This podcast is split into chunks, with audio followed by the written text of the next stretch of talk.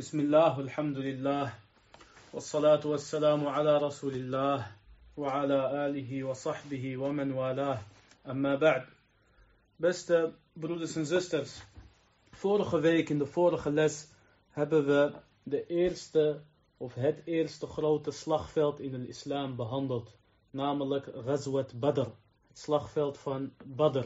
En dat werd een daverende overwinning voor de moslims ondanks dat zij met slechts 313 of 314 man waren, tegenover duizend van de mushrikeen, wonnen zij, walillahi alhamd, in de plek van Badr. En Allah azawajal stuurde duizend engelen ter ondersteuning van de moslims. We waren gestopt bij het feit dat de profeet sallallahu alayhi wasallam de grote mushrikeen, net als Abu Jahl, etc., la'anahullah, in een put hadden gezet. En de profeet sallallahu alayhi wa sallam of hij had hun lijken in een put gezet. En de profeet sallallahu alayhi wa sallam zei over Abu Jahl, Fir'aunu hadihil ummah. Abu Jahl is de farao van deze ummah. En toen zei de profeet sallallahu alayhi wasallam tegen deze leiders van Quraysh, hij zei tegen hun terwijl zij dood waren, dode lijken in de put, Hel wajadtum ma wa'adakum rabbukum haqqa. فإني قد وجدت ما وعدني ربي حقا De profeet sallallahu alayhi wasallam die zei dus tegen de leiders van Quraysh die net waren gedood in het slagveld van Badr Heb jullie de belofte van Allah als waarheid gevonden? Want ik heb de belofte van Allah aan mij als waarheid gevonden. En ik heb gewonnen. En Allah had mij dit beloofd. En toen zeiden de sahaba, ja Rasulallah, u praat tegen doden. U praat tegen doden. Ze kunnen u niet horen. De profeet sallallahu alayhi wa sallam die zei, Wallahi ma antum bi asma'a minhum. Bij Allah, jullie kunnen echt niet beter horen dan hun. En dit is een van de bewijzen dat de doden kunnen horen. Naam, de doden die kunnen horen in hun graven. Maar kunnen zij alles horen? Het antwoord is nee. Sheikh al-Islam ibn Taymiyyah rahimahullah en andere geleerden, die zeggen net als een mens, soms kan een mens jou horen en soms kan een mens jou niet horen. Simpelweg omdat je te ver weg bent, of omdat jouw stem te zwak is, of omdat diegene aan het slapen is, etc. etc. Dus de mensen in de graven kunnen horen en de profeet sallallahu alayhi wasallam die sprak hun toe. En zo is het leven al-aqibatu lil muttaqin de eindoverwinning is voor de moslims. De profeet sallallahu alayhi wa sallam en de sahaba hadden dus na Ghazwat Badr 70 van de mushrikeen gedood. En zij hadden ook 70 van de mushrikeen als gevangenen genomen. En de profeet sallallahu alayhi wa sallam die zei tegen de sahaba, Ahsinu ilayhim, behandel de gevangenen goed. Dit zei de profeet sallallahu alayhi wasallam al meer dan 1400 jaar geleden. Voordat de Verenigde Naties bestonden. Of wat voor mensenrechten dan ook. Wees goed tegen de gevangenen. Abu Aziz ibn Umair. De broer van Mus'ab ibn Umair. Die zei. Ik was een van de gevangenen bij de moslims. En wallahi. Ze zouden mij brood geven om te eten. Terwijl zij zelf slechts dadels zouden eten. En ik zou me schamen en dat brood teruggeven, waarop hun weer dat brood aan mij zouden geven en ze zouden hen niet, het niet aanraken. Dus de Sahaba, die waren goed tegen de gevangenen en zij zeiden ook, wees goed tegen hun, want dit is het bevel van de profeet sallallahu alayhi wasallam. De profeet heeft ons opgedragen om goed te zijn tegenover de gevangenen. En een van de grappige, bijzondere dingen die zijn gebeurd, is dat Mus'ab ibn Umair, een van de grote sahaba die ook uh, gedood zou worden zelf in Ghazwat Uhud, het slagveld van Uhud wat zo meteen komt. Hij zag zijn broer Abu Aziz en die was gevangen genomen bij de Ansar. En hij zei tegen hun, maak hem goed vast, zet hem goed op slot. Want zijn moeder heeft heel veel geld en ze zal hem vast met een goed bedrag kunnen vrijkopen. Dit is de liefde omwille van Allah Azza Je houdt van degene die houdt van Allah Azza Al is hij van een andere moeder. En je neemt afstand van degene die afstand nemen van Allah en zijn profeet sallallahu alayhi wasallam. al is het je eigen broeder of zuster van dezelfde moeder. De Sahaba hadden dus een 70 gevangenen. Er was meningsverschil onder de Sahaba wat zij met deze gevangenen moesten doen. Want de profeet sallallahu alayhi wasallam die vroeg om hun mening. En dit is iets wat je vaak zult tegenkomen in de sunnah van de profeet sallallahu alayhi wasallam. Ondanks dat hij de boodschapper is, de laatste profeet, de beste profeet, zal hij toch vaak vragen om de mening van de sahaba. Sterker nog, Allah azza wa jal heeft hem dat opgedragen in de Koran. En hij zei subhanahu wa ta'ala, amruhum shura bainahum. En hij zei subhanahu wa ta'ala, wa shawirhum fil amr. Overleg met hun over de zaken. Terwijl de profeet sallam dit niet nodig heeft. Maar de profeet leert ons dat de ummah en dat een islamitische regeringsleider in het, in, het, in het bijzonder moet overleggen met de geleerden en met de elite, zodat die keuze samen wordt gemaakt. En wanneer een keuze binnen de umma, binnen een land, binnen een regering, of ook bij jou, binnen jouw gezin, binnen jouw familie, binnen je vriendengroep, als je samen overlegt voordat je een keuze maakt, dan staan alle neuzen in dezelfde richting. Maar wanneer jij zelf een keuze gaat maken binnen de familie of binnen de groep, al is het de juiste keuze, je staat er alleen voor en je wordt aan je lot overgelaten omdat je deze keuze zelf hebt gemaakt. Sterker nog, sommige mensen zullen je egoïstisch vinden en zij zullen zich overgeslagen voelen. En dit is sunnat al-hayat. Zo gaat het in het leven, ongeacht tijd of plek of religie of wat dan ook. Dus de profeet sallallahu alayhi wasallam, die overlegde met de sahaba. Wat gaan we doen met de gevangenen? Abu Bakr, radiallahu anh, die zei, ja Rasulallah, het zijn onze familieleden. Yani laat hun vrij. Laat hun vrij. En dat was kenmerkend voor Abu Bakr. Abu Bakr radiallahu anh, die was heel zacht. En dat is natuurlijk een positieve eigenschap. Dus Abu Bakr radiallahu anh, die zei, ja Rasulallah, laat ze vrij. Laat ze vrij, laat ze vrij gekocht worden door Quraysh en dan laten we hun gaan, want het zijn onze familieleden en we profiteren van het geld. Umar radiallahu anh, en die stond bekend om zijn hardheid. Umar radiallahu anh, al-Faruq. Umar was het verschil tussen waarheid en valsheid.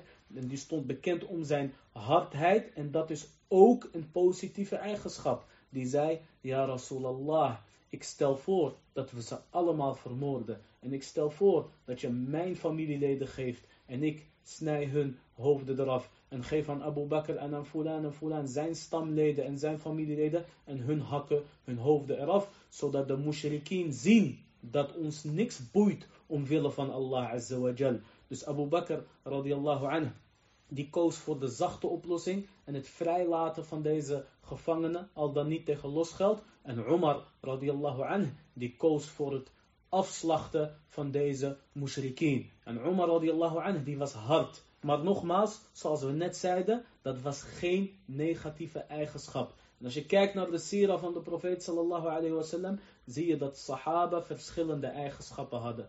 De ene was vaker zacht en de andere net als Abu Bakr. En de andere was vaker hard, net als Umar. Maar geen een van de twee werd afgekeurd door de profeet sallallahu alayhi wasallam. Want het vult elkaar aan. Soms heb je mensen nodig met een zacht karakter. En soms heb je mensen en soldaten nodig met een hard karakter. Net als Umar ibn Khattab. En daarom zei de profeet sallallahu alayhi wasallam ook over Umar. Wallahi, als de shaitaan jou ziet in een weg, als de duivel jou ziet in een weg, dan neemt de duivel een andere weg. Vanwege de kracht die Amir al-Mu'minin Umar ibn Khattab had. Al-Muhim, de profeet sallallahu alayhi wasallam, die neigde naar de mening van Abu Bakr. En die wou hun vrijlaten. En die gaf ook de opdracht dat deze gevangenen van Ghazwat Badr vrijgekocht konden worden. De volgende dag kwam Umar radiallahu anhu en hij zag de profeet sallallahu alayhi wasallam en Abu Bakr aan het huilen. En hij zei, ja Rasulallah, vertel mij, waarom zijn jullie aan het huilen? Als ik ook moet huilen, dan huil ik mee. En als ik niet moet huilen, dan doe ik alsof ik aan het meehuilen ben. En als uit liefde voor de profeet sallallahu alayhi wasallam. En de profeet sallallahu alayhi wasallam die huilde, omdat Allah azza wa jal een vers had neergedaald waarin Allah azawajal de mening van Umar als juiste mening aanhaalt. Ma kana lin nabiyyi. Allah azawajal zegt in de Koran dat de profeet en de mu'minin geen gevangenen horen vrij te laten totdat zij echt hun kracht tonen. Allah azawajal zegt in Surat al-Anfal vers 67 Ma kana لنبي أن يكون له أسرى حتى يثخن في الأرض Het hoort niet voor een profeet dat hij gevangenen heeft, yani die hij vrijlaat of die hij vrij laat kopen. Hatta fil ard. Totdat hij zijn kracht laat zien op aarde. Turiduna arad dunya. Wallahu yuridul akhirah. Jullie willen de dunya, jullie willen iets van de dunya. En Allah wil het hiernamaals. Wallahu azizun hakim. En Allah is eervol en Allah is de meest wijze. Dus wie had gelijk? Umar radiyallahu anhu. De juiste mening was dat er een statement gemaakt moest worden door het executeren van deze gevangenen. En het waren geen onschuldige burgers, maar soldaten die hebben gevochten tegen de profeet sallallahu alayhi wasallam en tegen de sahaba. Ondanks dat ze weten dat hij de profeet is. En ondanks dat ze weten dat er familiebanden tussen hun zijn, et cetera, et cetera. De juiste mening was de mening van Omar, of de meest juiste mening was de mening van Omar, namelijk dat zij geëxecuteerd moeten worden om een statement uh, te, te zetten. Maar het bevel was al gegeven dat zij vrijgekocht konden worden en dat werd dus gedaan. En hierom huilde de profeet sallallahu alaihi wasallam en Abu Bakr. En heel vaak had Omar een andere mening dan, dan Abu Bakr radiallahu anh. En zelfs dan de profeet sallallahu alayhi wasallam. En dan kwam de Koran en die gaf Omar gelijk. Met andere, onder andere al-hijab. De profeet, de profeet sallallahu alayhi wasallam kreeg van Omar te horen. Hij zei, ja Rasulallah, verschillende mensen komen in jouw huis. De goede en de slechte. Yani de sahaba, maar ook de munafiqeen. Dus beveel jouw vrouwen om zich te bedekken. En toen kwam ayat al-hijab door Omar radiallahu anhu. En ook zei Umar radiallahu anh, na de tawaf horen we twee raka'at te bidden achter maqam Ibrahim. En daarmee kwam ook de Koran. En onder andere dus deze kwestie van de gevangenen. En muhim, in Umar ibn al-Khattab zat heel veel baraka. En daarom zei de profeet sallallahu alayhi wasallam, als er een profeet na mij was, dan zou het Umar zijn. Umar, wa ma adrasa ma Umar. Zijn biografie hebben we kort uitgelegd in een lezing van ongeveer een uur. En die staat op YouTube voor degene die dat wil weten. En het is een van de mooiste biografieën ooit. Umar ibn Khattab radiallahu anhu Farouk. Al-Muhim, de mushrikien die werden vrijgekocht. Waaronder Al-Abbas, de oom van de profeet sallallahu alayhi wasallam. De sahaba die zeiden, ja Rasulallah, als je wil, dan laten we jouw oom vrij dan laten we jouw oom vrij en we hoeven niks voor hem. Want het is de pure oom van de profeet sallallahu alayhi wasallam. En de profeet sallallahu alayhi die zei nee, wij willen voor hem ook volledige losgeld. Sterker nog, het losgeld van al-Abbas was groter en was meer dan het losgeld van heel veel van de andere gevangenen. Al-Abbas die zei twee dingen tegen de profeet sallallahu alayhi wasallam. Hij zei, ja Rasulallah, ik, ik ben moslim. Hij zei, ik ben moslim. Toen zei de profeet sallam tegen hem, jij was met hun. Jij was met hun en jij liep met hun. Wahiru amrik kana ma'ahum. Yani, het zag er maar uit dat jij met hun was en je hebt met hun gelopen. Dus je wordt ook behandeld net als hun. En Allah die weet wat er in jouw hart zit. Net als de munafiqin, die hypocrieten. De profeet sallallahu alaihi behandelde hun aan de hand van hun daden. Want niemand die weet wat in de harten zit, behalve Allah. En ook al vertelde Allah aan de profeet wasallam, dat is een munafiq, die is een hypocriet, die is een hypocriet. We moeten ze behandelen aan de hand van wat zij zien. En ook tegen Al-Abbas, die dus stiekem moslim was, volgens zijn eigen zeggen. En uiteindelijk zou hij ook openlijk moslim worden, Al-Abbas radiyallahu anhu.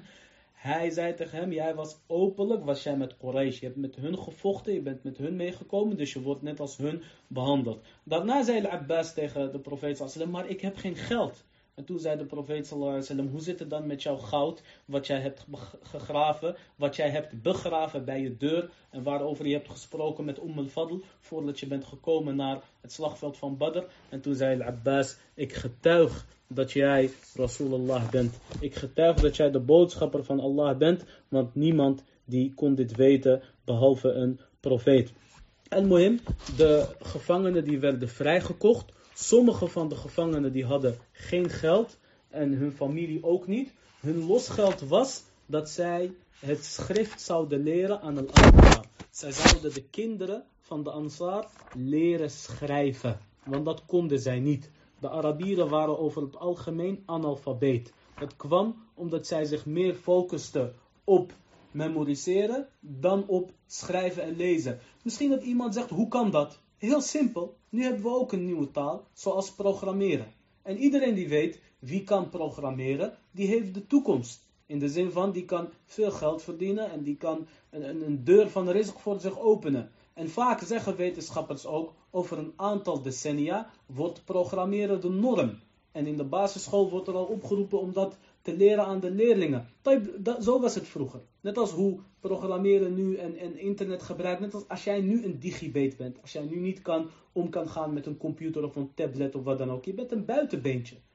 Zo was dat in die tijd. Je kon niet, de meeste mensen konden niet schrijven en lezen. Maar de profeet sallallahu alayhi wasallam gaf er wel veel aandacht aan. En een bewijs daarvoor is dat de profeet sallallahu alayhi wasallam als opdracht gaf aan de gevangenen die geen losgeld konden betalen en hun familie ook niet, dat zij docenten moesten worden van de kinderen van Al-Ansar, zo gezegd, zo gedaan. Verder werd er voor het eerst in de historie Al-Ghanima verdeeld, de oorlogsbuit. En dat is nog nooit gebeurd voor Mohammed sallallahu alayhi wasallam. De profeet sallallahu alayhi wasallam die zei in een hadith, U'titu khamsan.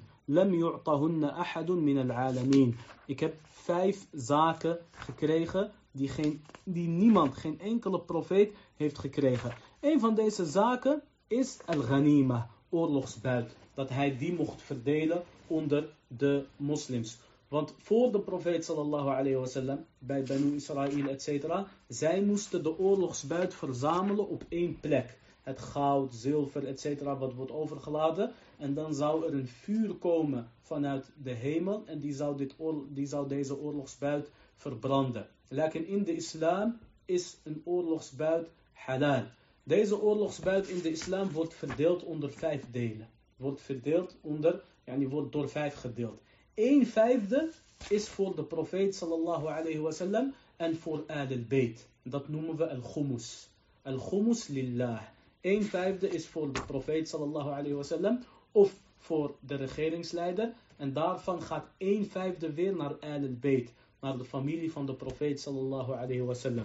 Want deze familie van de profeet sallallahu alayhi wasallam, die mogen ook geen sadaqa accepteren of zakat. De profeet sallallahu alayhi wasallam heeft gezegd, as-sadaqa khubthun nas. Sadaqa is het viezigheid van de mensen en het is haram voor al-Hashim en al-Muttalib. Dus Banu Hashim en Banu al-Muttalib, voor hun is de sadaqa haram en de zakat ook haram. En hun horen te krijgen van de oorlogsbuit, omdat zij de familie van de profeet sallallahu alayhi wasallam zijn.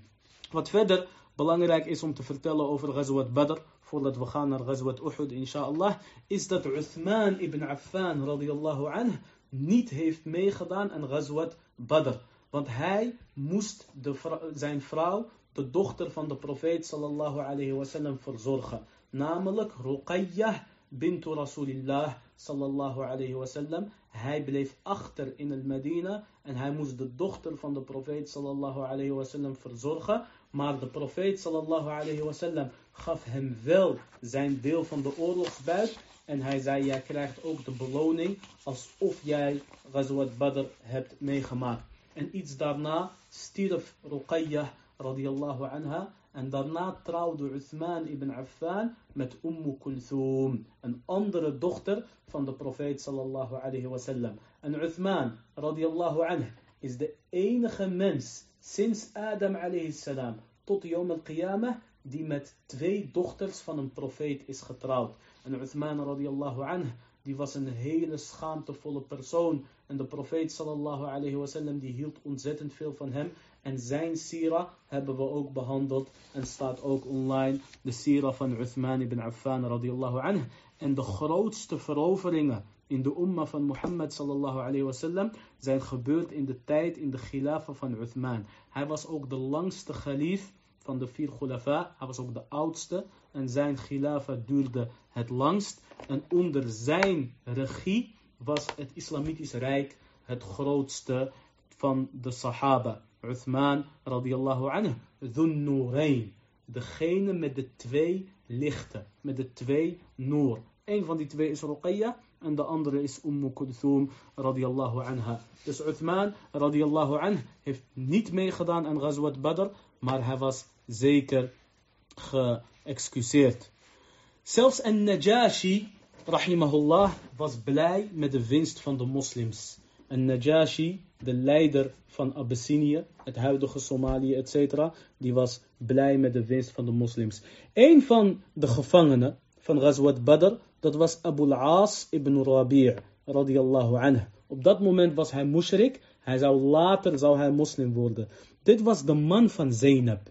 En Zainab is ook een van de dochters van de profeet sallallahu alayhi wasallam. Zoals jullie weten, de profeet sallallahu alayhi wasallam had van Khadija zes kinderen. Al-Qasim, en naar hem wordt de profeet sallallahu vernoemd qua kunya, Abu al-Qasim en Abdullah. En Zainab, Ruqayya, Umm Kulthum, Fatima. Abu al-As was de man van Zainab. En hij was een van de gevangenen, want hij was met de mushrikeen. En hij was ook een kafir toen. En hij werd vrijgelaten, hij werd vrijgekocht en hij werd ook vrijgelaten op voorwaarde dat hij de dochter van de profeet sallallahu alayhi wasallam, Zainab, de hijra laat verrichten naar Medina. En in die tijd was het nog niet haram voor een moslim om met een niet-moslima te trouwen of voor een moslima om met een niet-moslim getrouwd te zijn. Dat was in die tijd nog niet haram, vandaar dat zij nog bij elkaar waren. Zainab die stuurde geld om haar man vrij te kopen. En in dat geld zat een ketting van Khadija radiyallahu anha.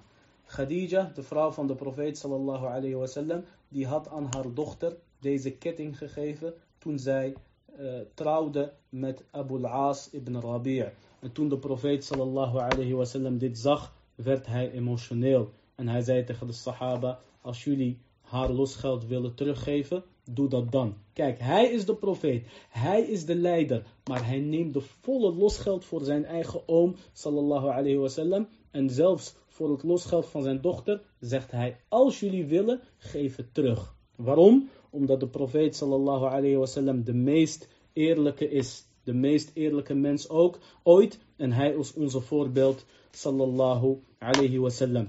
Abu al-As, die ging terug en hij kwam zijn belofte na. Na één maand stuurde hij Zainab radiyallahu anha naar Medina. En zij vertrok terwijl zij zwanger was op een kameel. En de broer van Abu al-As, Kinana, die zou haar brengen naar Medina. En Hind, die zei tegen haar, Hind, de vrouw van Abu Sufyan, de dochter van Utbah, die was vermoord tijdens Badr. Zij zei tegen haar, je gaat naar je vader, hè? En Zainab die zei, ik deed alsof ik dat niet van plan was, want ik was bang. Zij is namelijk de vrouw van Abu Sufyan, een dochter van Utbah die pas is vermoord. En Hind die zei tegen haar, luister, wij zijn vrouwen. Wij hebben niks te maken met deze oorlogszaken. Maar zij zei, toch bleef ik ontkennen. Terwijl zij naar buiten ging, terwijl zij vertrok van, van, van Mekka, werd Zainab aangevallen door Quraysh. En zij eh, begonnen haar kameel te ruïneren. Totdat Zainab viel. En Zainab die was zwanger en zij kreeg een miskraam. Zij kreeg een miskraam. En wie begon te praten? Hind radiyallahu anha. Zij zou later ook moslima worden. Zij zei tegen Quraysh, laat haar met rust. Op het slagveld, nu zijn jullie net als leeuwen tegen een vrouw, maar op het slagveld waren jullie net als ongestelde vrouwen. Yani Hind die zegt tegen hun, als jullie wouden vechten, moesten jullie in Badr blijven vechten. Want tijdens het slagveld van Badr waren de mushrikeen weggerend. Ze zegt, en nu? Dan doen jullie stoer, terwijl jullie in het slagveld net als ongestelde vrouwen waren. Dat, is haar, dat was haar term die zij gebruikte. Met andere woorden, je durft wel tegen een vrouw, maar tegen de soldaten rende je weg. Zainab die ging naar de profeet sallallahu alayhi wasallam en zo kwam zij terug bij haar, bij haar vader en zij bleef ongetrouwd totdat deze man uiteindelijk als moslim was gekomen en de profeet sallallahu alayhi wasallam die liet hun weer met elkaar trouwen. Een van de belangrijkste zaken die nog genoemd moeten worden is de, het belang van de mensen van Badr bij Allah en bij de profeet sallallahu alayhi wasallam. De profeet sallallahu die zei, ik hoop dat iedereen van Badr naar het paradijs gaat inshallah. En zelfs toen een van hun, namelijk Hatib ibn Balta'a radiallahu anh, die had de moslims een keer verraden. Die had een keer een brief gestuurd aan het einde van het van de leven van de profeet sallam. Had hij een brief gestuurd aan Quraysh van hey pas op, de profeet wil jullie aanvallen. Toen zei Umar radiallahu anh, toen hij gepakt werd, deze Hatib, ja Rasulallah laat mij zijn kop eraf hakken, want dit is een munafiq.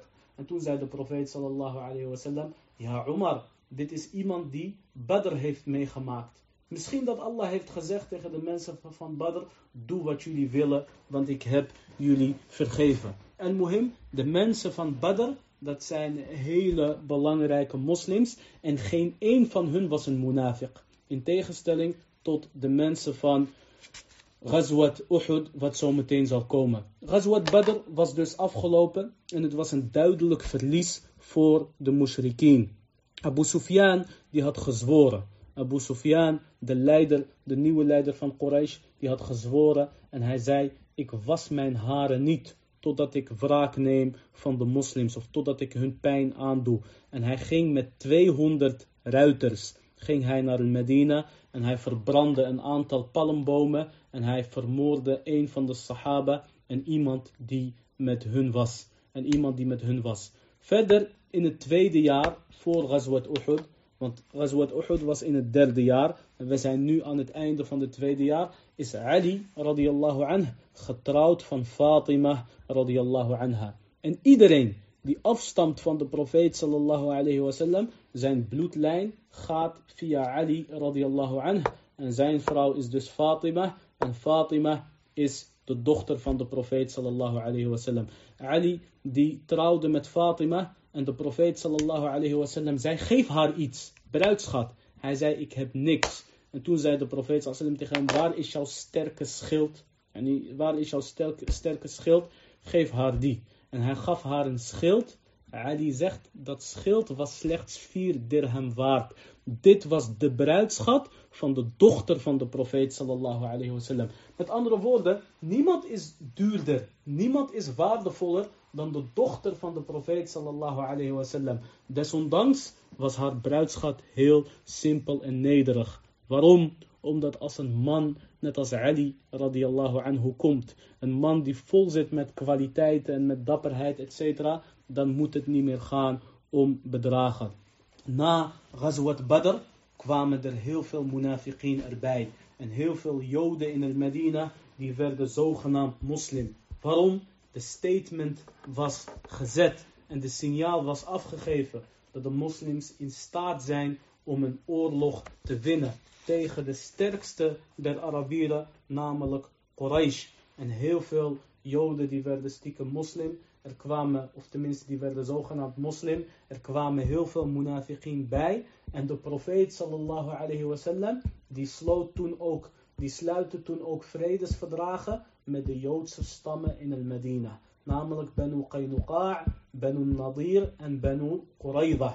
En dit is ook een groot bewijs dat het toegestaan is dat er een vredesverdrag wordt gesloten met de Joden. Zonder goedkeuring van hun daden. Maar het is toegestaan, want de profeet sallallahu alayhi wasallam heeft het gedaan en heeft het meerdere malen gedaan.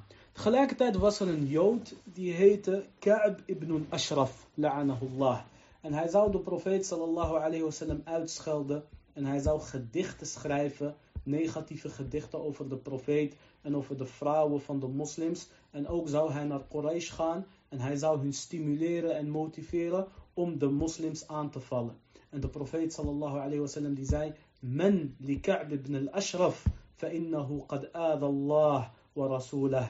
Wie, wie verlost ons van Ka'b ibn, al-Ashraf, want hij heeft ons lastiggevallen. Mohammed ibn Maslama radiyallahu anhu, die zei: Ja, Rasulallah, ik regel het met hem, maar geef mij toestemming om iets te zeggen. En de profeet sallallahu alayhi wasallam die zei tegen hem, qul, zeg maar. Yani, hij mocht iets zeggen wat lijkt op een leugen. Waarom? We zijn nu in staat van oorlog. En de profeet sallallahu alayhi wasallam heeft gezegd, al-harbu khud'ah. Oorlog bestaat uit trucjes. Dus degene die de slimste is in uh, trucjes, et cetera, en in het uh, bedriegen van de ander, of tenminste een ander iets ander laten denken, dat is degene die de oorlog zal winnen. Mohammed ibn Maslama, die ging naar deze Joodse leider, Ka'b ibn al-Ashraf, en hij zei, ja Ka'b, leen ons iets, geef ons een lening. Want deze man, oftewel Mohammed, en dit was de trucje, dat hij zegt, deze man. Want de sahaba die zouden altijd zeggen, Rasulullah sallallahu alayhi wasallam, en met respect praten over de profeet. Maar Mohammed ibn Maslama die zei deze man, zodat Ka'b zou denken van Mohammed ibn Maslama die wil afvallig worden. Hij zei tegen Ka'b ibn al-Ashraf, hij zei leen ons iets, want, Mohammed, want deze man die heeft veel sadaqa van ons gevraagd. En we zijn hem bijna zat. En toen zei Ka'b ibn al-Ashraf, je zult hem zeker zat raken. Ik heb het van tevoren gezegd. Maar wat geef je mij als onderpand voor deze lening? Geef mij jullie vrouwen.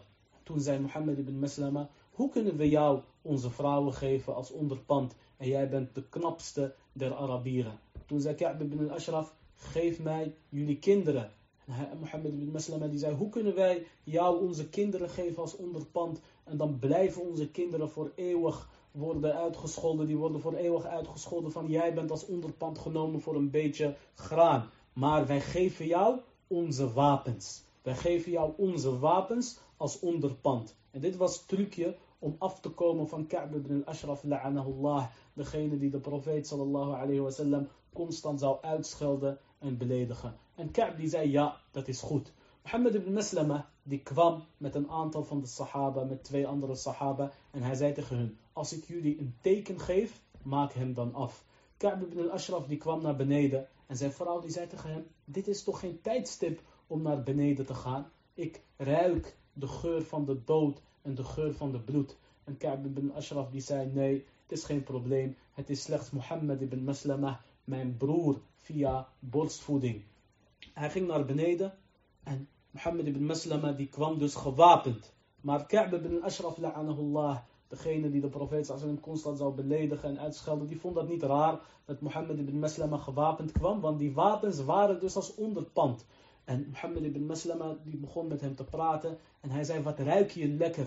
Hij zei, ja, bij mij is een vrouw. Zij is de mooiste vrouw van de Arabieren. En zij ruikt het lekkerste van iedereen. En Ka'b ibn Ashraf was dus een hele ijdele man. En toen zei Mohammed ibn Maslama tegen hem, mag ik aan jouw haren ruiken? Mag ik dat parfum ruiken bij je haren? Ka'b ibn Ashraf die zei, dat mag. En Mohammed ibn Maslama die rook aan zijn haren. En na een tijdje zei hij, kan ik weer ruiken? Ik vind jouw parfum geweldig. En Ka'b ibn Ashraf la'anahullah, die zei ja, dat mag. En Mohammed ibn Maslama, die pakte dit keer zijn hoofd goed vast. En hij deed alsof hij lang wou ruiken aan zijn parfum. En hij gaf zijn teken aan de sahaba. En zo vermoorde zij Ka'b ibn Ashraf, degene die de profeet sallallahu alayhi wasallam zou uitschelden en beledigen. En subhanallah, kijk naar de geschiedenis. Iedereen die Mohammed sallallahu alayhi wasallam heeft uitgescholden of beledigd, die is vernederd gestorven. Die is vernederd gestorven. Er was zelfs een keer een christelijke geleerde die Mohammed sallallahu alayhi wasallam zou uitschelden in een kamp waar geen moslims waren en een hond die was vastgeketend en hij begon te blaffen. En toen zeiden ze, kijk, elke keer wanneer jij Mohammed sallallahu alayhi wasallam uitscheldt, dan blaft deze hond. Hij zei wel nee, die hond blaft voor wat anders. En hij schold Mohammed sallallahu alayhi wasallam weer uit. En die hond brak zijn ketting. En hij sprong op deze christelijke geleerde. En hij beet hem volop in zijn nek. Waarna hij overleed. Dus iedereen die Mohammed sallallahu alayhi wasallam uitscheldt. Die wordt vroeg of laat uh, vermoord. En wij moslims. Of die wordt vroeg of laat gedood. En wij moslims geloven ook dat dit zijn verdiende loon is. Kom niet met je vrijheid van meningsuiting. Als iemand jouw moeder elke dag uitscheldt. Als iemand jouw moeder elke dag in de ochtend, in de middag en in de avond uitscheldt en tekeningen over haar tekent en iemand geeft er daarna een klap of iemand doet haar daarna wat aan, ga jij zeggen van het, doet me pijn? Wij roepen niet op tot geweld, maar als het gebeurt bij degene die Mohammed sallallahu alayhi wasallam uitscheldt, dan laten we hier geen traan om. En dan zeggen we zeker niet, je suis Charlie of wat dan ook. Dus wij roepen niet op tot geweld, maar tegelijkertijd zeggen wij, wallahi, iedereen die Mohammed sallallahu alayhi wasallam uitscheldt, vroeg of laat zal hij vernederd worden. Kijk maar naar Pim Fortuyn. Die is zelfs vermoord door iemand die niet eens een, een moslim was. En de verplichting is op de islamitische regeringsleiders om wraak te nemen van uh, degene die Mohammed sallallahu alayhi wasallam. Dit, beste broeders en zusters, is een verplichting op de regeringsleiders en niet op de individuen. Sterker nog, jij als individu mag nooit voor eigen rechter spelen. Want jij weet niet welke belangen er zijn en welke nadelen er kunnen zijn aan jouw daad. Maar de regeringsleider die heeft de verplichting. En als zij het niet doen en als zij te laf zijn, zoals vandaag de dag het geval is, dan is dit hun zonde tegenover Allah Azza Dus ga zeker niet voor eigen rechter spelen. Al-Muhim, Quraysh die wou wraak nemen van Mohammed sallallahu alayhi wasallam na hun groot verlies tijdens Ghazwat Badr. De zonen van Abu Jahl en van Utba, etc., die hun vaders en hun broers hadden verloren, die gingen naar Abu Sufyan en zij zeiden, deze handelskaravaan, laat die, zodat wij hiermee Mohammed gaan bestrijden. En deze handelskaravaan, die bestond uit duizend kamelen, gevuld met producten, etc., die werd dus klaargemaakt en het geld daarvan werd bewaard om Mohammed sallallahu alayhi wasallam te bestrijden. Quraysh vertrok dit keer met 3000 mensen om te vechten tegen Mohammed sallallahu alayhi wasallam. En inmiddels zijn we aangekomen in de maand Shawwal. En in het jaar 3 na de hijra van de profeet sallallahu alayhi wasallam. Dus Badr, Ghazwat Badr, is in het tweede jaar na de hijra van de profeet sallallahu alayhi wasallam. En Ghazwat Uhud in het derde jaar na de hijra van de profeet sallallahu alayhi wasallam. In Ghazwat Badr vertrok Quraysh met duizend man. Dit keer waren zij beter voorbereid en zij vertrokken met 3000 man. Een van deze mensen was Wahshi. En Wahshi, radiallahu anh, uiteindelijk zou hij moslim worden. Dit was een donkere slaaf. Uh, Jubair ibn Mut'im, die was zijn meester. En de oom van Jubair ibn Mut'im, ibn Adi, die was vermoord tijdens Ghazwat Badr door Hamza.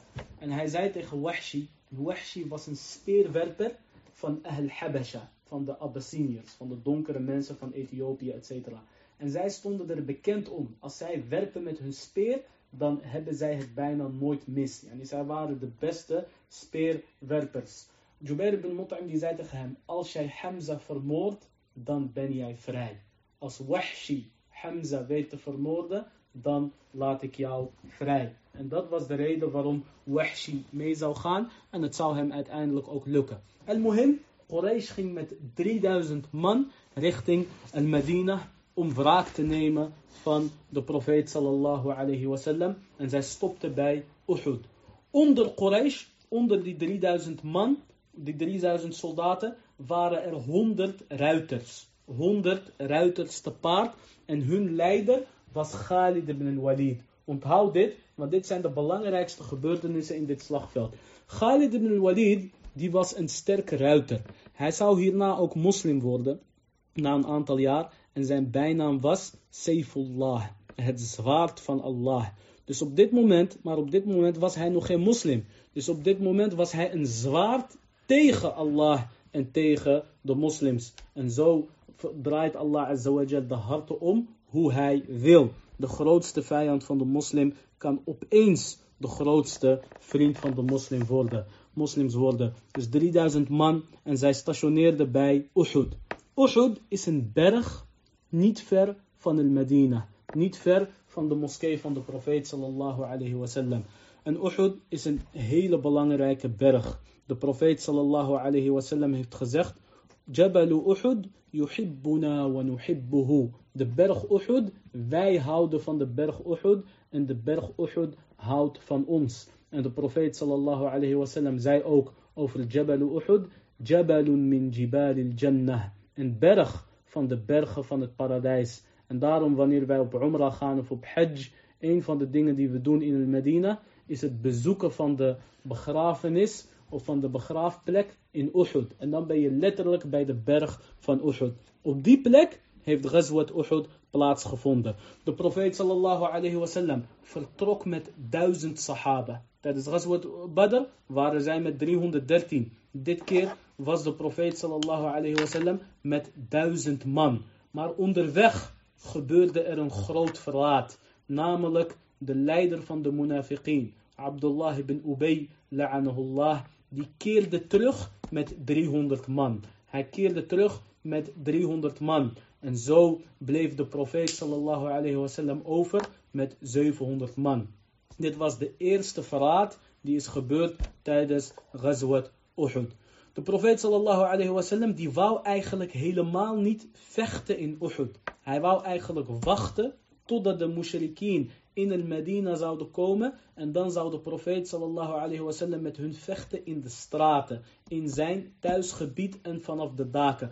Maar er waren een aantal sahaba die Badr niet hadden meegemaakt. En die waren gemotiveerd. En die zeiden, ja Rasulallah, kom, we zoeken ze op. Ja Rasulallah, kom, we gaan naar Uhud en we vechten daar met hun. En zij bleven net zo lang op de profeet sallallahu alayhi wasallam inpraten totdat de profeet sallallahu alayhi wasallam zijn harnas aantrok. En op dat moment kregen ze spijt en zeiden ze, ja Rasulallah, la'allana a'jalnak. Ja Rasulallah, alsof we jou overhaast hebben. Als je wil kan je gewoon hier blijven. Als je wil kan je gewoon hier blijven. En toen zei de profeet sallallahu alayhi wasallam, het hoort niet bij een profeet als hij zijn harnas heeft aangetrokken, dat hij deze uittrekt totdat hij gaat vechten en totdat Allah bepaalt of hij wint of niet. En zo vertrok de profeet sallallahu alayhi wasallam richting de berg Uhud, wat eigenlijk niet zijn plan was. En onderweg keerde Abdullah ibn Ubay, la'anahullah, terug met maar liefst een derde van het leger. En dat is wat we tegen jullie zeiden. Na Ghazwat Badr waren er veel munafiqeen en veel neppe moslims die werden dus zogenaamd moslim.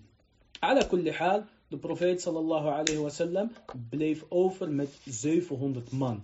50 van hun waren speerwerpers. En de profeet sallallahu alayhi wasallam die plaatste hun op een kleine berg achter Ghazwat Uhud.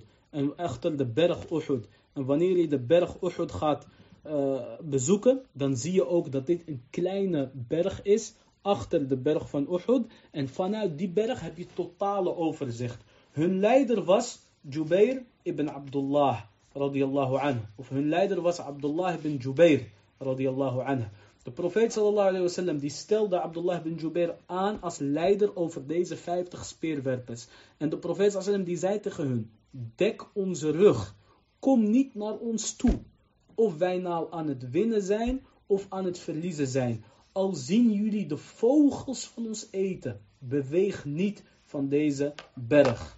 Dus deze sahaba, die moesten de profeet sallallahu alayhi wasallam en de andere sahaba rugdekking geven. En hier op dit punt is het totaal misgegaan en dat hoor je zo meteen. Het slagveld van Uhud begon. Quraysh was niet alleen gekomen met 3000 man, Quraysh waren zelfs met hun vrouwen gekomen. Zo ziek waren zij en zo graag wouden zij wraak nemen. Want als je komt, als, als de Arabieren met hun vrouwen zouden komen naar een slagveld vroeger, dat betekent dat zij zeggen, wij kunnen niet vluchten en wij gaan niet vluchten. Wij blijven hier totdat we winnen of totdat we, sterven. Want als je vlucht, dan, nemen dan neemt de andere partij, de vrouwen natuurlijk, als oorlogstuit. Dus het feit dat Quraysh hun vrouwen hadden meegenomen, dit was een teken dat zij zouden vechten tot het einde. En Hind die was erbij en andere van de vrouwen van Quraysh. Het slagveld van Uhud begon en weer, walillahi alhamd, waren de moslims snel klaar met deze oorlog. Waarom? Omdat Quraysh vecht zonder overtuiging. Quraysh die vecht vanuit fanatisme. Terwijl de moslims die vechten omwille van Allah en omwille van de profeet sallallahu alayhi wasallam. En iemand wiens intentie Allah is, als Allah met jou is, dat is nooit hetzelfde. Een tegenstander, hoe sterk diegene ook is, die kan nooit hetzelfde zijn als een moslim met wie Allah is. En dat zie je ook bijvoorbeeld bij de Zionistische bezetter. Ze hebben de meest geavanceerde apparatuur. En ze vechten tegen zwakke Palestijnen. Maar omdat Allah Azzawajal met de Palestijnen is, dan zie je ook dat de Palestijnen het ontzettend lang kunnen volhouden. Moet je voorstellen, als de Palestijnen dezelfde, of als de moslims, het gaat niet om de Palestijnen, het is een islamitische kwestie. Moet je voorstellen als de moslims dezelfde wapens hadden, net als deze Joodse Zionistische vijand. In één dag of een halve dag waren zij van de kaart geveegd. En dat is hun verdiende loon. Wat je nu ziet, is dat de mensen uit Gaza, et cetera, alleen maar stenen hebben. Maar toch weten zij weerstand te bieden. Mogen Allah Azza wa Jal hun bijstaan. ذلك بأن الله مولى الذين آمنوا وأن الكافرين لا مولى لهم omdat Allah de Heer is van de gelovigen en de ongelovigen die hebben geen Heer. Het slagveld begon en de profeet sallallahu alayhi wasallam en de sahaba die richten goede schade aan bij de kuffar. Hamza radiallahu anhu, die was Asadullah. Hij was de leeuw van Allah en hij vocht ook als een leeuw. Een van de sahaba heette Abu Dujana radiallahu anhu. En Abu Dujana die had een rode bandana. Die had een, die had een rode bandana en die maakte hij vast aan zijn voorhoofd. En dat noemden ze Isabatul Moot. Als Abu Dujana deze rode bandana zou vastknopen aan zijn hoofd, dan betekende dat hij gaat vechten tot de dood. Of hij wint of hij sterft. En hij was ook een van de dappere moslims. De Sahaba die hadden snel gewonnen. En Quraysh, ondanks dat zij waren gekomen met hun vrouwen, zij renden weg net als vrouwen. En toen zagen de Sahaba dat. Maar ook de speerwerpers, of de, de, de, de schutters, de pijlenboogschutters op de berg onder leiding van Abdullah bin Jubair, die zagen dit ook. En die zeiden Al-Ghanima, Al-Ghanima, de oorlogsbuit, de oorlogsbuit. Zij wouden van de berg afgaan om de moslims te helpen met het verzamelen van de oorlogsbuit. En toen zei Abdullah bin Jubair, radiyallahu anhu, ja kom, o mijn volk, herinner wat de profeet sallallahu alayhi wasallam tegen jullie heeft gezegd. Of je ons nou ziet winnen, of je ons nou ziet verliezen, al zie je de vogels van ons eten, beweeg niet van deze berg totdat ik jullie het bevel geef. Maar helaas, helaas, 38 van deze pijlenboogschutters, die vertrokken van de berg richting de moslims om te helpen met het oorlogsbuit. Omdat de strijd al voorbij was, zo leek dat. En twaalf die bleven staan. Khalid ibn al-Walid, die was met honderd ruiters. En hij zag dit. En Khalid ibn al-Walid, die was een grote strateeg. En een van zijn geweldige strategieën, zoals vele geweldige legercommandanten kunnen, etc., is het verrassingselement. Dus op het moment dat de moslims dachten dat de oorlog voorbij was, Khalid ibn Walid, die vertrok met zijn ruiters, hij was met honderd ruiters, die vertrok heel snel om de berg heen en die viel de moslims van achteren aan en zij vermoorden 70 moslims. En dit was de reden waarom de profeet sallallahu alayhi wasallam de pijlenboogschutters op deze berg had geplaatst. Maar liefst 50. En deze ruiters die waren 100. Met andere woorden, twee pijlen per, uh, per, per paard. En ze zijn klaar. Dus Khalid durfde niet aan te vallen. Maar toen Khalid zag dat deze pijlenboogschutters van de berg weggingen, viel hij de moslims aan in hun rug. En hij vermoordde 70 moslims. En toen gebeurde er een ware ramp en een ware catastrofe. Want de mushrikien die namen wraak en zij waren op zoek naar Mohammed sallallahu alayhi wasallam. En zij hadden Mohammed zelfs omsingeld en bereikt. De profeet sallallahu alayhi wasallam werd volgeraakt in zijn gezicht. Hij werd volgeraakt in zijn wang. En ook verloor de profeet sallallahu alayhi wasallam een van zijn snijtanden. Zijn snijtand rechtsonder. En de profeet sallallahu alayhi wasallam viel ook in een gat, in een kuil die gegraven was door de mushrikeen. Ze probeerden de profeet sallallahu alayhi wasallam te vermoorden. En de profeet die werd verdedigd door de sahaba. De profeet pakte een zwaard en hij zei, wie neemt deze zwaard om mij te verdedigen? Talha die zei, Anna ya Rasulallah. Talha, een van de tien sahaba die het paradijs beloofd heeft gekregen, Talha ibn Ubaidillah, hij zei, ik, o boodschapper van Allah. De profeet negeerde hem en hij gaf het aan iemand van de Ansar. En die vocht en hij verdedigde de profeet totdat hij vermoord werd. En zo zeven keer. Elke keer wil Talha de zwaard pakken om de profeet te verdedigen, maar iemand van de Ansar krijgt de zwaard en allen stierven zij ter verdediging van de profeet sallallahu alayhi wasallam. En daarna pas kreeg Talha, Talha radiallahu anh dit zwaard. En Talha die verdedigde de profeet sallallahu alayhi totdat zijn vingers werden afgesneden en een van zijn, een van zijn armen raakte verlamd. Dus Talha radiallahu anh, die heeft zichzelf letterlijk opgeofferd voor de profeet sallallahu alayhi totdat een van zijn armen verlamd raakte. En op die dag van Ghazwat Uhud, man of the match, dat was Talha radiallahu anh. En de Arabieren hadden dat. Ze zouden zeggen van elke slagveld zouden ze de meest dappere strijder noemen. Van Uhud was dat Talha radiallahu anh. En daarom zei Abu Bakr radiallahu anh ook Aujaba Talha. En die Talha vandaag, die heeft echt gepresteerd. Hoe heeft hij gepresteerd? Hij heeft de profeet sallallahu alayhi wasallam verdedigd. Een van de mensen die de profeet sallallahu ook heeft verdedigd met zijn eigen leven, dat was Mus'ab ibn Umair. Mus'ab ibn Umair is een van de muhajirin. En hij was een van de knapste sahaba. En zijn ouders waren ontzettend rijk. Maar hij liet alles van deze dunya en hij vertrok naar Medina. Subhanallah, sommigen van ons die hebben een baan van duizenden euro's. En die baan is halal. En zij, hebben, zij krijgen een halal baan voor slechts de helft. Je houdt nog de helft van je salaris over. Maar dat valt hun zwaar en zij doen dat niet. Kijk, hoe zit het dan met Mus'ab ibn Umair? Die miljoenen heeft achtergelaten omwille van Allah. En is geëmigreerd naar de profeet sallallahu alayhi wasallam. Toen hij vermoord werd tijdens Ghazwat Uhud, hadden ze niet eens genoeg keffen om hem te bedekken. En ze moesten zijn voeten of zijn hoofd bedekken met een idgir. En een idgir, dat is citroengras. Yani die keffen, die kfen, de meest goedkope uh, stuk kleding, was niet eens genoeg voor Mus'ab ibn Umair. Hij had ervoor kunnen kiezen om veilig te blijven in Quraysh. Maar hij koos voor Allah en voor de profeet sallallahu alayhi wasallam. En dat is de reden dat wij dit soort helden nog vandaag tot de dag van vandaag noemen. Dus ken jullie helden, o beste moslims. En een van hun is dus Mus'ab ibn Umair. Een van de sahaba die waren overleden tijdens, die was overleden tijdens Ghazwat Uhud, was Hanzala radiyallahu anhu. En de profeet sallallahu alayhi wasallam die zag dat de engelen hem aan het wassen waren. En de profeet sallam die zei, ga naar zijn vrouw en vraag aan, haar waarom wordt hij gewassen door de engelen.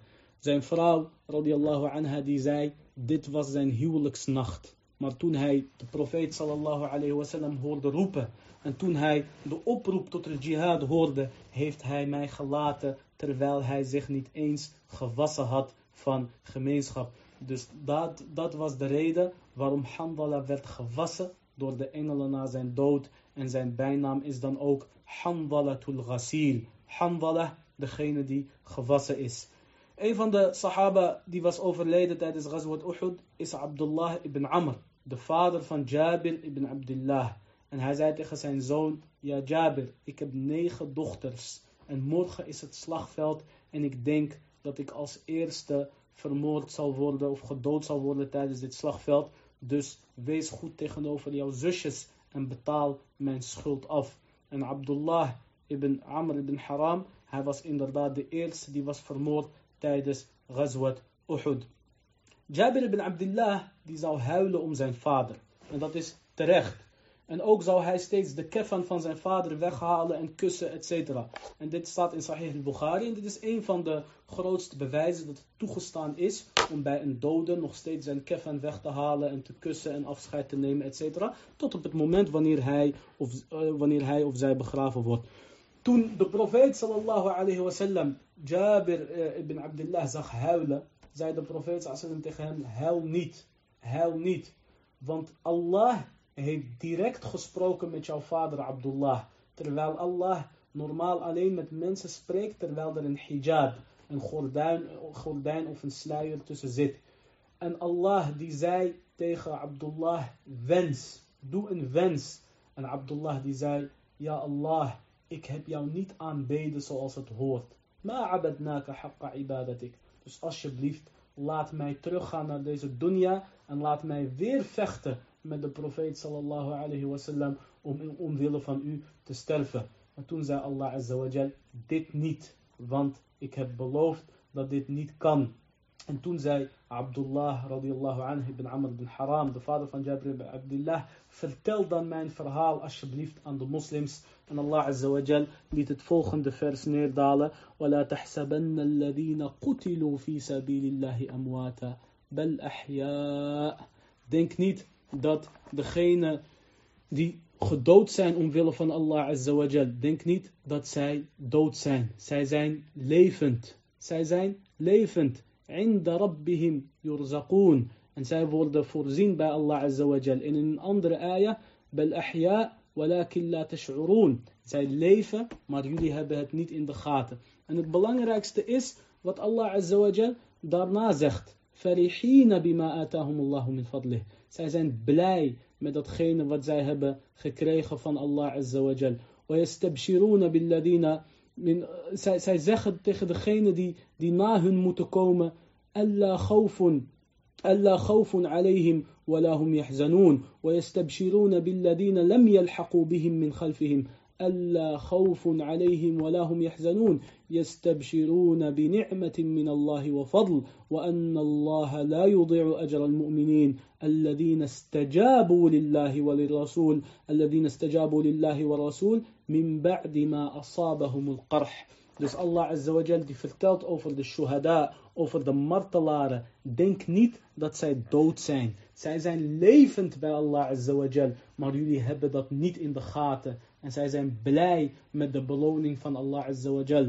De profeet sallam die zei zoals staat in Sahih Muslim. Lawadittu an uqtal fi sabilillah. Thumma uhya, thumma uqtal, thumma uhya, thumma uqtal. Ik wenste dat ik gedood zou worden omwille van Allah. En dat ik tot leven gewekt zou worden. En dat ik weer gedood zou worden omwille van Allah. En dat ik weer tot leven gewekt zou worden. En dat ik weer gedood zou worden omwille van Allah Azawajal. Beste broeders, beste zusters. Val niet in de trap. Val niet in de, in de, in de, in de truc en in de, in de gat van democratie of wat dan ook. Wallahi, uiteindelijk is het gegeten, uiteindelijk is het eten of gegeten worden. Op dat gebied zijn wij mensen net als zoogdieren. Zelfs de vredesverdragen, etc., die worden niet gerespecteerd. En daarom heeft Allah Azawajal al-jihad, strijd omwille van Allah Azawajal, halal gemaakt. Sterker nog, verplicht gesteld. Het is verplicht voor de ummah om haar vijand te bestrijden. Maar deze verplichting is op de leiders van de ummah en niet op de individu als het gaat om de fysieke manier. Jij en ik, wij strijden met onze tong door middel van dit soort lezingen. Wij strijden met onze geld, met ons geld, door middel van onze laatste euro op te geven om, omwille van Allah Azza Maar de fysieke strijd, dat is de verplichting aan de regeringsleiders. En wanneer deze te laf zijn en wanneer deze tekortschieten, dan hebben zij een grote verantwoordelijkheid tegenover Allah Azza zoals vandaag de dag is, zoals vandaag de dag het geval is. En el jihad, het strijden omwille van Allah Azza heeft veel voordelen. De grootste voordeel wanneer wij een vijand bestrijden omwille van Allah Azza is dat we geen tijd hebben voor onderlinge problemen. En dat we geen tijd hebben van, van, van de problemen tussen de umma onderling, maar dat we gefocust zijn op de buitenlandse vijand. Subhanallah, als je goed gaat kijken, dat is precies wat landen zoals de Verenigde Staten doen. Elke keer wanneer zij uh, dreigen opgebroken te worden door onderlinge strijd, wat gaan ze dan doen? Dan gaan ze Irak binnenvallen, of Afghanistan, of wat dan ook, of Vietnam, of wat dan ook. Dan bedenken zij een denkbeeldige vijand, die geen enkel gevaar vormt voor hunzelf. Maar hiermee leiden zij de mensen af van hun interne problemen. Ala kulli hal, zoals Sheikh al-Islam ibn Taymiyyah rahimahullah ta'ala zegt, een van de grootste voordelen van het strijden omwille van Allah azza Nogmaals, een correcte strijd is dat de moslims hun aandacht verleggen op de vijand en niet meer elkaar gaan bestrijden. En een van de grootste beloningen bij Allah Azawajal is dus voor deze shahid, deze martelaar. De profeet sallallahu alayhi wasallam heeft gezegd, voor de martelaar wordt elke zonde vergeven, behalve een schuld. Dus wij ontkennen el jihad niet, omwille van Allah Azawajal. Elke land heeft een ministerie van defensie. Dat is precies wat uh, al jihad is. Het enige land wat geen ministerie van defensie heeft is Costa Rica. En die stelt ook precies niks voor. Lakin, en wij zeggen ook duidelijk, degene die het jihad, degene die het strijden omwille van Allah Azawajal ontkent, dat is een kafir. Dat is een ongelovige en dat is zeker geen moslim. En dat is precies wat de Britse kolonisator deed toen zij India hadden veroverd. Zij sponsorden en zij financieerden de Qadiani-secte. En een van de grootste pijlers van de Qadiani-secte was het ontkennen van de strijd tegen de kolonisator tegen de kolonisator die jouw eigen land heeft bezet. Laat staan andere landen. En muhim, Ghazwat Uhud, belangrijke zaken zijn gebeurd. De shaitaan die schreeuwde onder de moslims. Mohammed is vermoord. Hij schreeuwde dat de profeet sallallahu alayhi wasallam was vermoord. Dus de sahaba die hoorden dat Mohammed sallallahu alayhi wasallam was vermoord. En veel sahaba die stopten met vechten en die gingen zitten. Onder andere Umar ibn Khattab. Anas ibn Nadr, de oom van Anas ibn Malik radiyallahu anh, die zei, wat is er met jullie aan de hand? Waarom zitten jullie? En de sahaba die zeiden tegen hem, we hebben gehoord dat Mohammed sallallahu alayhi wasallam is vermoord.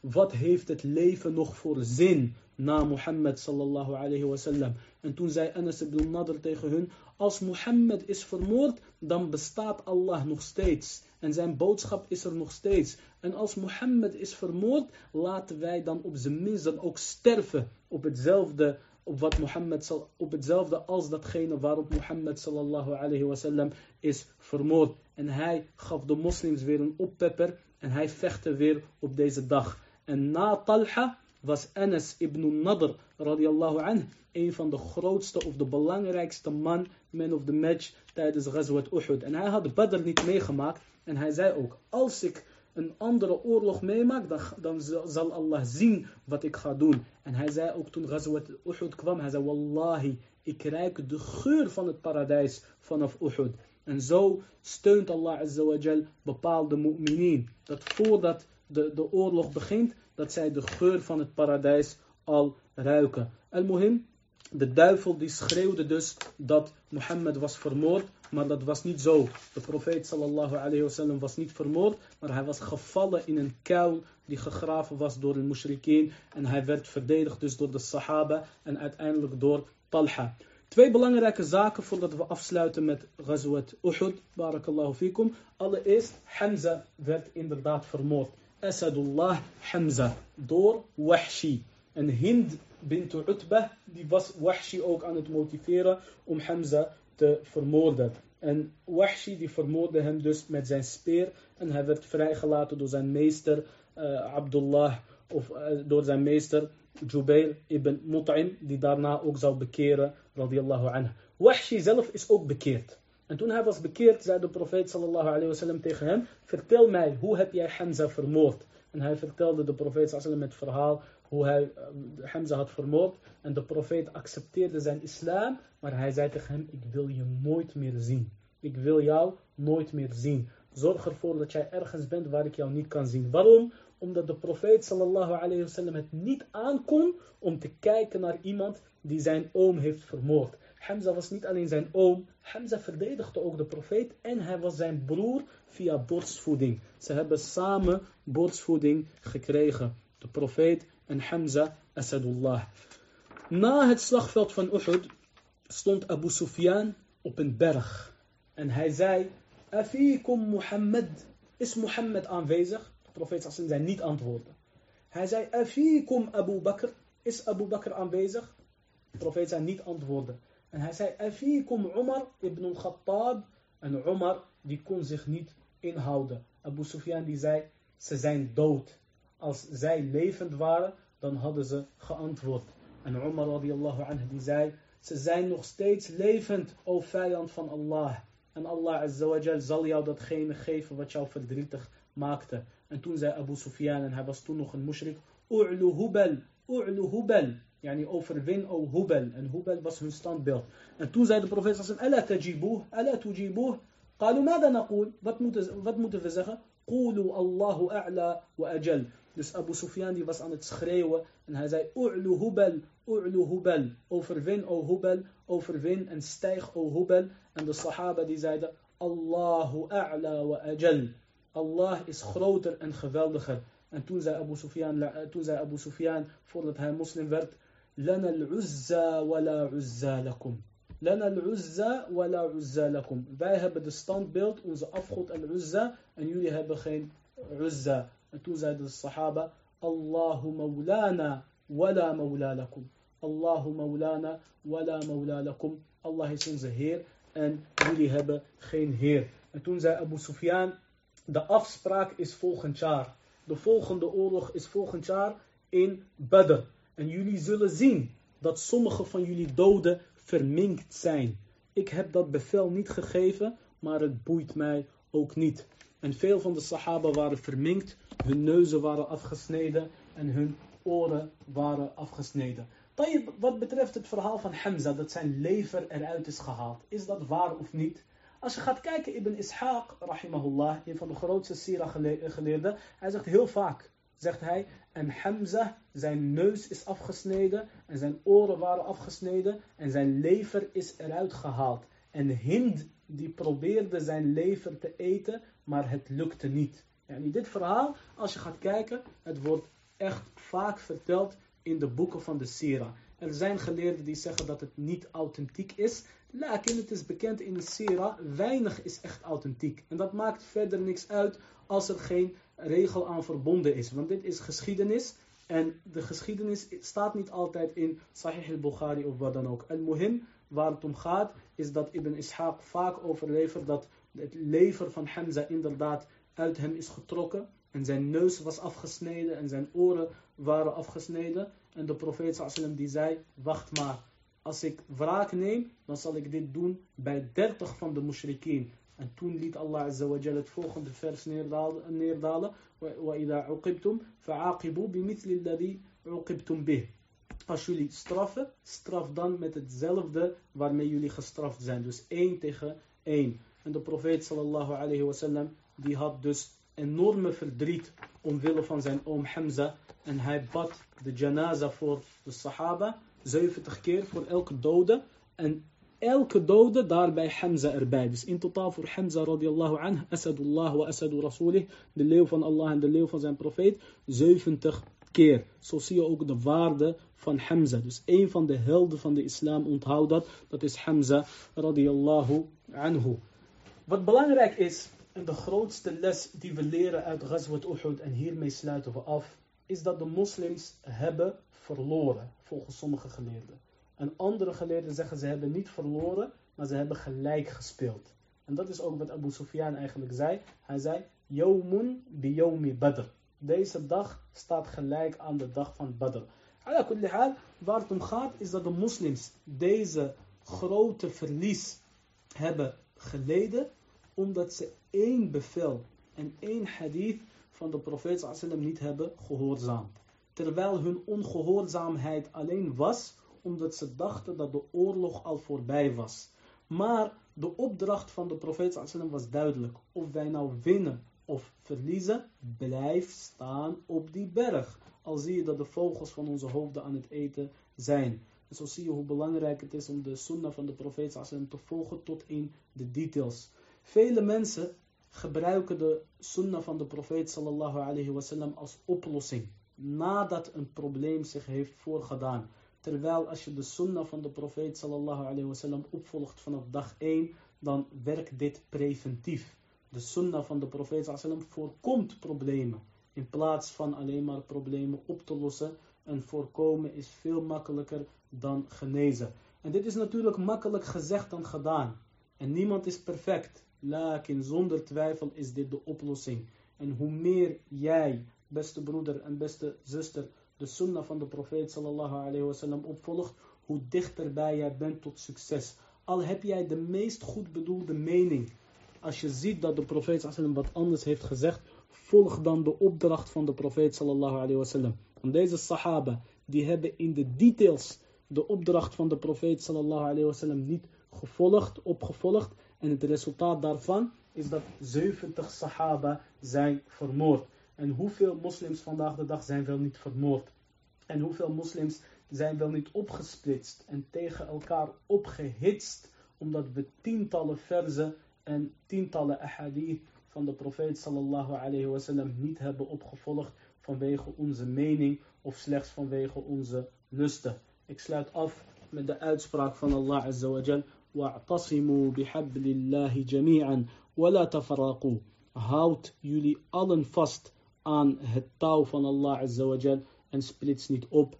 Mogen Allah azza wa jal deze umma weer sterk maken en weer verenigen, zodat er mannen zijn, net als Hamza radiyallahu anhu en Talha radiyallahu anhu, mensen die opkomen voor de profeet sallallahu alayhi wasallam, net als Muhammad ibn Maslama radiyallahu anhu, degene die Ka'b ibn al-Ashraf had afgemaakt nadat hij spotte met de profeet sallallahu alayhi wasallam.